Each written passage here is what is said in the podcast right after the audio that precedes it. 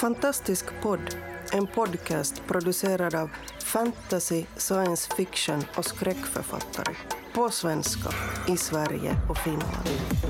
Vi snackar skriva, böcker, våndor och vändor i våra och andras världar.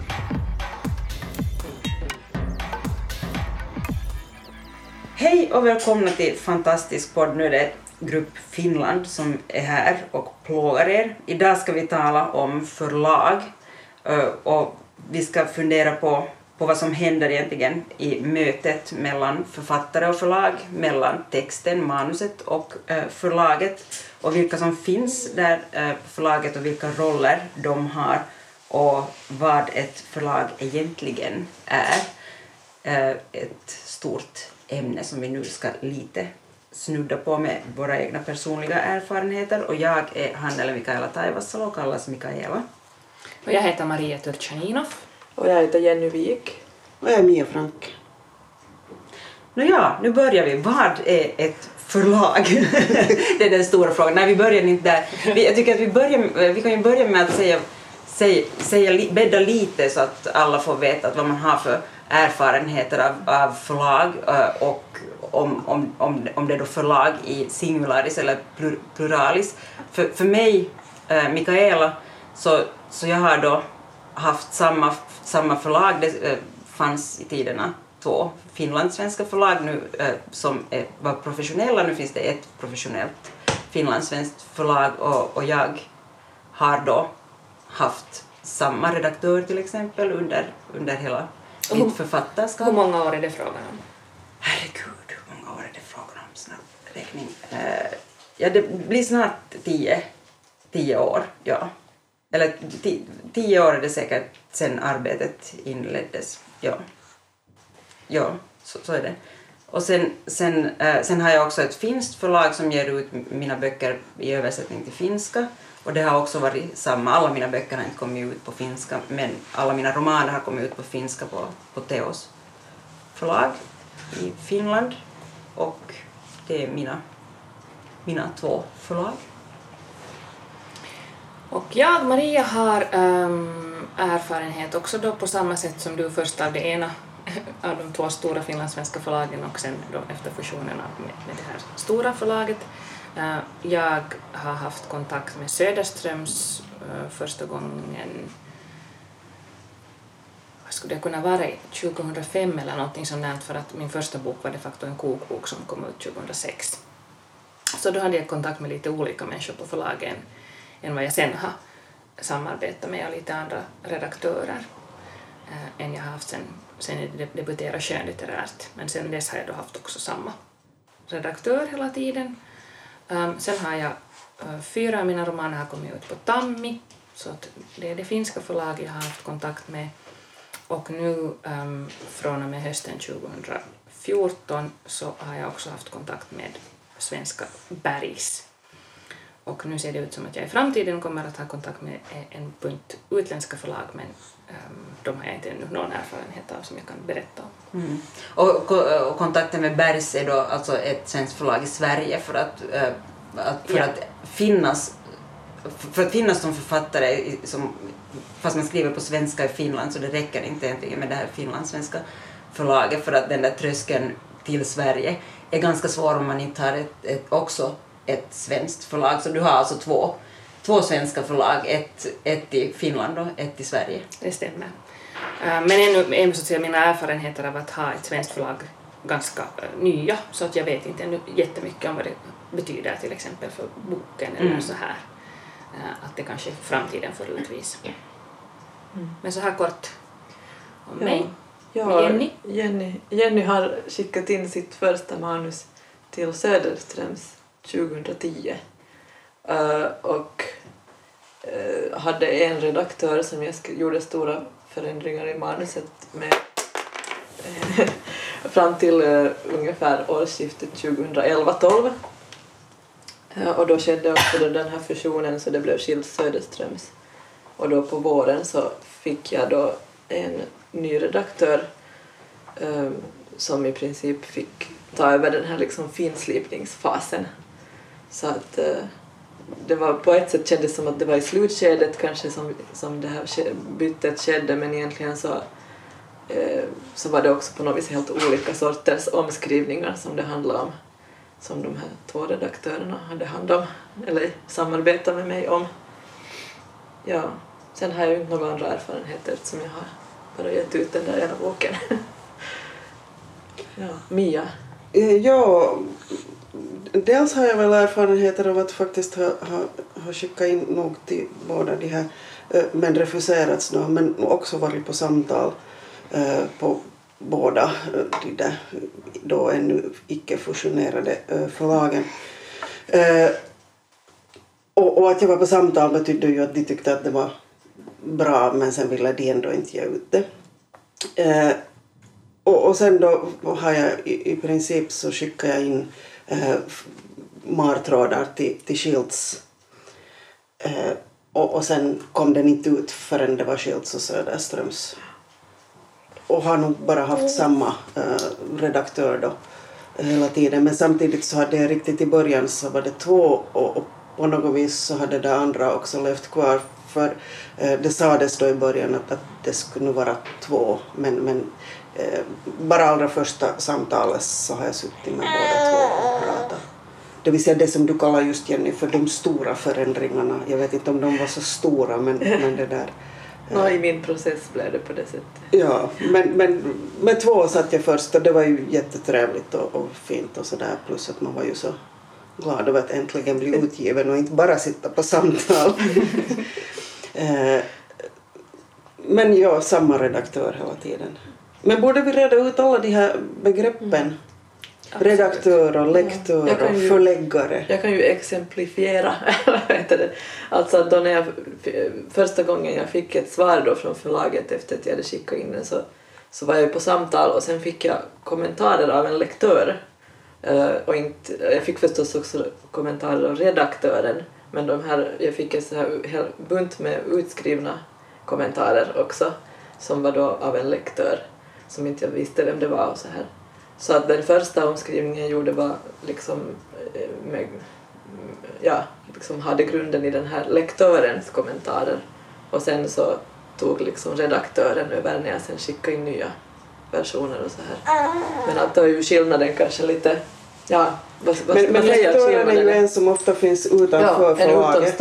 ja. Som rätt ofta är anonym, inte Ja. alltid. Ja. Men nästan alltid. Nästan alltid, Ja. men jag har nog också i något läge fått höra något namn. Det. Eh, Men det Jag handlar mer om att människan själv kom fram till mig och sa Mm.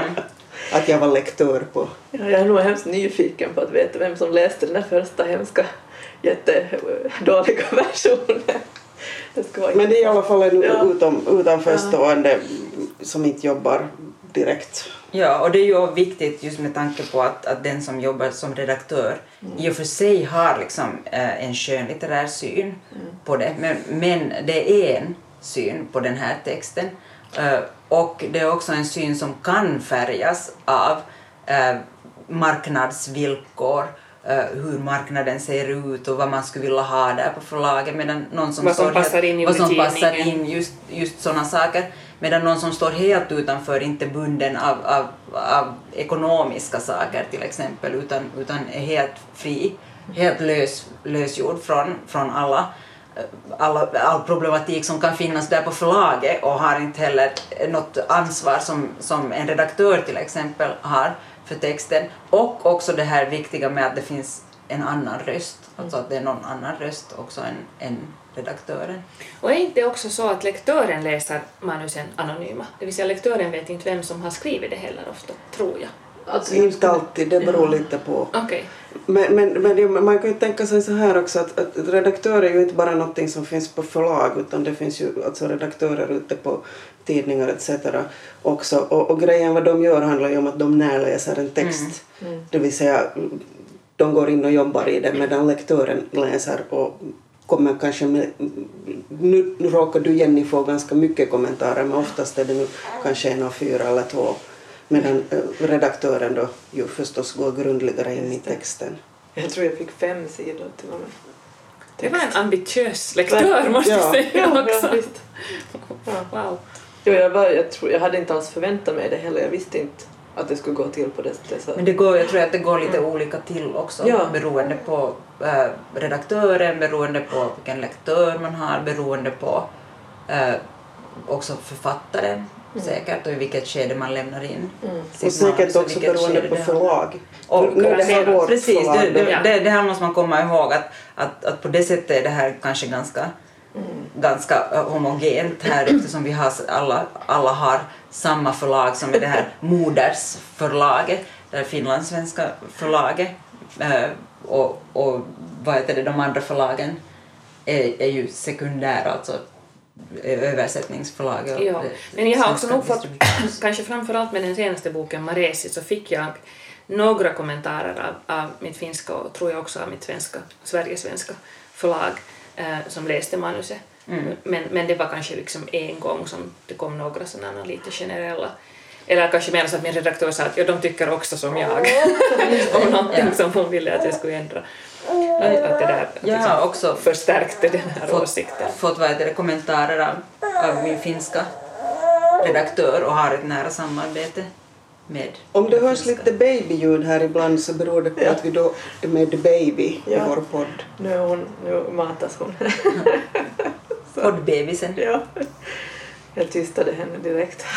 Men, eh, men också våra redaktörer arbetar ju olika har jag, har jag förstått. Eh, Har olika processer, att allting är Säkert. individuellt på det sättet också. Till exempel vissa redaktörer ehm, arbetar mera med författaren under skrivprocessen eh, medan andra vill se färdiga manus enbart till exempel. Och vissa författare arbetar också annorlunda. Vissa författare ger inte sin text ifrån sig innan den är helt klar och viss, vissa, vissa tycker om att ge sin text till en redaktör ganska tidigt Så hur funkar det? så allt ser olika ut. Jag, jag, är nog, jag är i regel en sån som skriver, skriver jättefärdigt innan någon läser och min första läsare är min redaktör. Hon, för den hon läser, läser den som, som första läsare. Och, och det här enda undantaget så gäller, eller ja, gällande romanerna, no, gällande alla andra, andra böcker som har kommit ut så, så är alltså Svulten, den, den läst, eller då tänkte jag att nu liksom ska jag pröva på det här att, att lämna in i ett tidigare, tidigare skede. Så nu har jag prövat på det också. Och för mig, fun- och den boken behövde det också. Men, men vad heter det, i fortsättningen så fortsätter jag, fortsätter jag med, mig, med mig själv i min egen värld. Jag tror också att jag, jag är också van att lämna in en, en väldigt färdig text och jag har en, liksom ofta en, eh, kanske två läsare eh, före jag lämnar in texten till förlag. Oftast nog bara en. Ehm, men jag undrar om jag är lite sån för att jag har haft samma redaktör hela tiden och hon har tränat mig i att hon vill inte ha något annat än färdiga manus. Ja. Så det är så jag har lärt mig att jobba också, att liksom, jag har blivit inskolad och nu, nu vill jag inte heller kanske jobba på något annat sätt själv utan nu är jag van att så här gör jag. Just det. Att jag också lämnar in liksom så färdigt som jag bara kan. Att först när jag känner att nu kommer jag inte längre på egen hand så sen. Ja, jag, jag, jag är på det en sån här, ganska sån här, ibland är det inte bra, men en sån här anpassningsbar figur. så att jag, jag har nog anpassat mig till vad förlaget och den här redaktören, hur de gjorde då. Men att egentligen så är jag nog en sån typ som gärna lämnar ut ganska halvfärdiga saker i olika processskeden, eller jag skulle, gärna, jag skulle kunna göra det liksom. Det, jag, jag tycker om att få lite så här input i olika skeden. Men att nu märker jag nu den här nästa som jag skriver så har jag då haft en lektör att läsa som är faktiskt Mia. En Ja. hemlig Hemlig, jättehemlig. För att jag var så osäker på många sådana här på något vis grundpremisser i den att jag ville inte skicka den till förlaget förrän jag var liksom Mm. säker på vilket håll jag ska föra vidare det. Så det, på det sättet så, så har det ju varit en, en sån bok, eller en sån, ett sånt manus, en sån text som jag vill vara lite mer färdig med före jag skickar in den. Eh, Men det kanske också är någon slags sån här andra boks ångest att jag vill inte skicka in någonting som är liksom på något vis sämre än det där förra.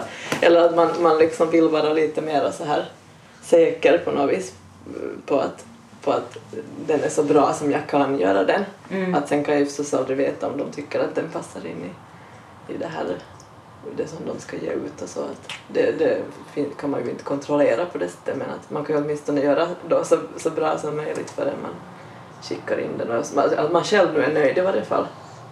Men att annars skulle jag egentligen jättegärna ha en sån här, sån här som jag kan skicka in halvfärdiga texter åt också. Att det, det skulle nog passa mig tror jag. Att jag, jag är så där operfektionistisk av mig och slarvig. Men det är väl därför det är bra att det finns, du kallar mig lektör och det är Ja. så jag heter via det som du Ja. kontaktar mig. Men, men egentligen det jag gör i det fallet handlar om att vara någon slags skrivcoach Ja och, och försöka då komma med kommentarer. Eh, men det jag skulle säga om att jag är nog mer åt det hållet att när jag väl lämnar in till förlaget så är det nog färdigt. Eh, det är klart att det kommer kommentarer men det handlar mer om att, att det går nog alltid att säga någonting om en ganska tjock bok. Jo, kommentarer Ja. kommer det ju. Men, men jag menar före det- har jag däremot nog låtit någon annan läsa det. Att det är nog inte redaktören som ser först utan, utan, utan det har varit en eller två läsare som Maria sa som har läst före då. Eh, Just nu tror jag att det bara blir en för den andra hinner inte.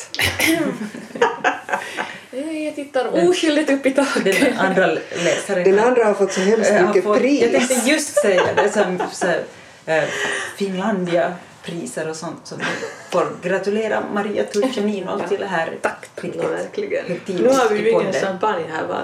Ja, Det var har är champagnen? Var är champagnen? Nu har jag nog fallerat, jag borde nog ha Ja, tagit nej, med jag tänkte jag hade bara ett äpple med mig. Det räckte Den förbjudna frukten. Skål i äpplen. Don't go there. Eh, Men hej, ett ord ännu. Det brukar ju också talas om förläggare. ja. Så vad tusan gör en förläggare? Ja, en förläggare. Men eh, visst kan man kalla sin, sin redaktör sin förläggare om den har liksom ett helhetsansvar, alltså tar hand om texten från att den är text till att den eh, blir, blir tryckt. Men det är nog också en titel på förlaget. Det Ja, Ja, det vill säga, förläggare. Förläggaren är väl förläggare. snarast den som, som har någon slags helhetsöversikt av utgivningen, om jag nu har förstått rätt. Ja. Eh, och, och, och det där, nu råkar det då, även om vårt, våra förlag då har fusionerats till det här ena moderförlaget som Mikaela så vackert kallar det, Moderskeppet. så, moderskeppet, så, så det där är det ändå ganska litet, vilket gör att våra redaktörer nog också har ganska mycket förläggarbiten på sig. Eh, har jag åtminstone uppfattat det som. Det vill säga jag råkar höra till exempel min, min redaktör stå och prata just om, eh, om det där eh, textens väg från, från det där när den kommer som manus till förlaget. Och, och, och då kom det också fram att, att hon nog ägnar sig åt förläggaruppgifter även om, om det nog finns de som har eh, förläggartitel på vårt förlag. Eh, Ja. men, men det där eh, man ser dem mest på fest. Förläggarna. Ja. Nej, och jag, kanske där har jag upplevt en tydligare vad ska vi säga, rollfördelning på mitt finska förlag. Att där har jag helt klart en redaktör och en förläggare. Och, och det där nu, äh, senast jag pratade med min förläggare så sa hon att, att hon gärna liksom träffar mig för textsamtal om jag vill. Att om jag vill prata om någonting som jag håller på och jobbar med eller funderar över så kan hon liksom gärna sitta och diskutera det med mig. Kanske just från sitt förläggarperspektiv sådär. Medan hon sa att hon är ju inte en redaktör. Mm. Så, och hon tar sig inte på sig den rollen men vill gärna prata text. Det vill säga inte närläsningen då, Nej. som redaktören gör. Exakt. Det här är- tycks vara då en sån stor skillnad. Men jag, jag tänker tillbaka på den där min process. Så då var ju nog de här... Eh, jag var ju på ett möte med den gamla och den nya redaktören om man kallar det så. Och då tycker jag ju att de båda också hade eh, stora delar av den här förläggarrollen där. Att när man började diskutera just omslag och, och liksom helhetssaker och så här. Mm. Och jag hade ju mycket illustrationer också. Så det, det hörde ju på det också till deras uppgift att, att liksom vägleda mig med vad som är möjligt i, i den här illustreringen och, och så här. Men, att, eh, men annars så upplevde jag inte den där processen att byta redaktör alls egentligen som, som särskilt svår eller stressande. Fast jag kan tänka mig att det kan vara det för, för andra. Ja. Att, att det här... eh, Det får jag flika in här ja. att, att Jenny illustrerar ju Ja. också. Ja. Ja, men det gjorde jag sen riktigt i slutskedet det mesta. Ja. Omslaget gjorde jag där mitt i och sen insides illustrationerna s- sådär pressade jag ur mig sådär sista månaden för, för ett typ språkkorrektur. Men du tyckte inte att det var smärtsamt alltså att byta? Nej, alltså, jag tyckte egentligen att det var ganska intressant att få ett nytt perspektiv. Fast det nu var i slutskedet så visste jag förstås att den här nya redaktören kommer ju inte att börja eh, kräva eller så här tycka Mm. att det ska komma någon slags större, jättestora förändringar för det skulle verkligen på något vis sänka hela skeppet. Eller att det skulle ju inte ha det skulle ha förstört då kanske den här hela processen och, och, och, så att på det sättet så måste vi ju prata ihop oss då, då liksom när det här bytet skedde. Att, För hypotetiskt kan Ja. det ju vara ett problem att byta. Ja, att om, om de sen har hemskt olika åsikter, de här två redaktörerna, men, men att på det sättet hade de nu inte några så här stora grundläggande skilda åsikter. Kanske lite sen på det, så här detaljnivå, att jag gick ju sen igenom de här, de här mera, eller jag gjorde en sån här mer detaljerad omskrivning då med den här andra, andra redaktören. Eh, men att det gick aldrig riktigt så där på, på det här stora djupet på det stället, vad ska man säga, det här som man gjorde i början, att, att hitta riktningar och, och liksom skala bort sånt som inte på något vis stöder berättelsen. Så det, eh, ja, det, det funkar ganska bra för mig just det där, men att nu, nu i och för sig så hoppas jag kanske att jag får ha en och samma nu nästa gång om jag, Mm. om jag sen blir antagen med det här nästa manuset, att det, det, det skulle kunna vara trevligt också sådär som upplevelse att, att gå med samma person från början till slut. Mm. Sen finns det ju... Ja, förlåt mig. Mikaela, du ville säga något. Nej men säg om du har, vill fortsätta på det här. Nej, jag tänkte faktiskt att, att det finns ju liksom några andra som man skulle kunna tala om också som man har, som har kontakt med ens text. Ja, först vill jag fråga då här, äh, Mik- Mikaela ställer en fråga, att, att vad är era förväntningar på en redaktör? Om vi så här snabbt kan, kan summera vad, vad, vad äh, författarens förväntningar på, på redaktören är, om man efterlyser. Alltså jag tycker ju att jag får ganska mycket det som, som, jag dels behöver och, och dels vill ha. Och vad är det? Det vill säga att dels finns det någon sån här, eh, alltså eftersom jag då bor i Åbo och redaktören finns i Helsingfors så blir nog första mötet sådär att jag kanske har åkt dit och suttit och pratat och, och fått då muntliga kommentarer. Och, och, och det blir ett eh, bra samtal tycker jag. Plus att jag då också gärna säger till att, att hon får nog, för hon, det är också en hon, att hon får nog säga det där eh, mer än, än den där. Att hon behöver inte vara så jättesnäll alla gånger, att, att det funkar bra. I synnerhet, jag menar när man sitter tillsammans så är det nu inte så, det är inte så farligt med kritik. Eh, och, och sen då följande steg har varit att då har det kommit så det har varit direkt i, i texten. Och jag tycker att eh, något av det första jag upplevde så tyckte jag var rätt häftigt för då kom det sådär åh det här är som något Lars von Trierskt. Och det var så här, wow, att det kan jag ta. Och, och sen då är det ju hemskt mycket lättare när du har fått en sån kommentar att också göra och förstå de där eh, kanske mer eh, kritiska grejerna om att, att här behöver du jobba om det här scenen för den funkar inte riktigt och, och sånt. Ja, alltså Jenny kan kom- fortsätta kommentera här alltså att vad jag förväntar mig egentligen att det är någon som, som det här eh, liksom pekar ut de där sakerna som jag själv anar att det är fel men inte liksom fattar riktigt hur jag ska eller man försöker gömma det på något vis så här. Ja, Man skriver över det så att ja, nog kanske det här ändå löser sig. Men sen ska den där den, den som är en bra redaktör hitta liksom de här svaga punkterna och, och sen då förstås inte lyfta fram dem sådär på ett hånfullt sätt att man, här har du nog försökt slinka undan alltså, att, utan just att här måste liksom förbättras. Men just det här som Mia sa så är det hemskt viktigt också att få höra att vad det är som fungerar. Att, att jag har ju lite erfarenhet också av det här akademiska eh, kritikermötet. Och, då, ja. och det här eh, eh, där, där kan jag ju säga att, att det här eh, jag har mycket lättare att ta kritik när det gäller litterärt skrivande underligt nog fast det är mycket mer personligt. Eh, Men det, det kan ha att göra med att, att jag har haft de möten som jag har haft med redaktörer gällande det litterära så har jag liksom fokuserat på texten, att det är liksom den som vi jobbar med, inte, inte min person eller vem, vem, liksom, alltså att man liksom blandar inte ihop person och text. Så det tycker jag är väldigt skönt med en bra redaktör är att, att det handlar nu om att göra den här texten bra och det är att man själv har misslyckats med någon grej. Så det har liksom ingenting att göra med ens person utan det är bara att det är svårt att skriva.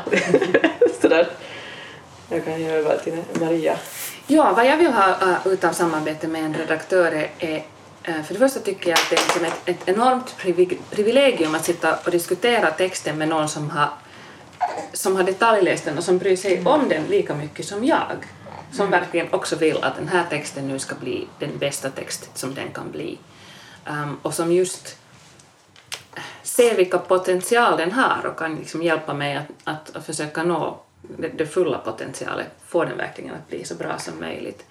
Um, men som också, som, och som också kan se, eftersom vi nu alla skriver genre på ett eller annat sätt, som också kan liksom se um, har, jag, har jag lyckats eh, med någonting nyskapande inom den här genren? Har jag fallit in i genrens um, fällor har jag, har jag bara gjort samma sak på nytt som alla andra har gjort som också kan liksom läsa texten på genrens villkor tycker jag att det är väldigt viktigt.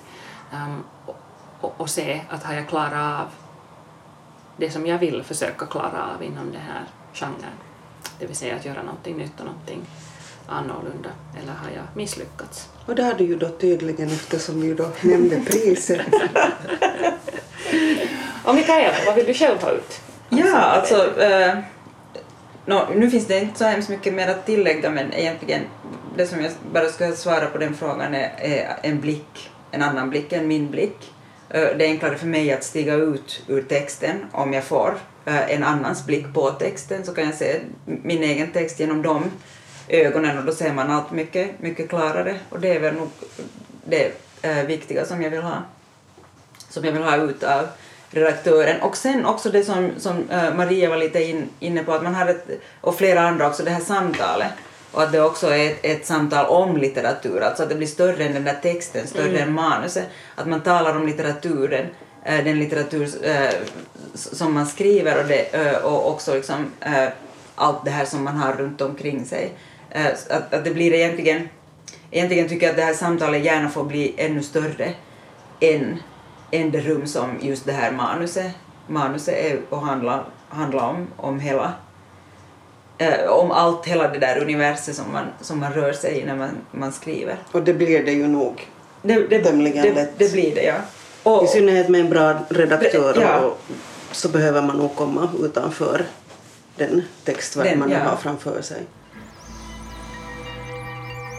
Du har lyssnat på Fantastisk podd om du trivdes i vårt fantastiska poddsällskap och vill ha mer så hittar du äldre poddar och information om oss som deltar på vår hemsida under fantastiskpodd.se och på vår Facebook-sida Fantastisk podd.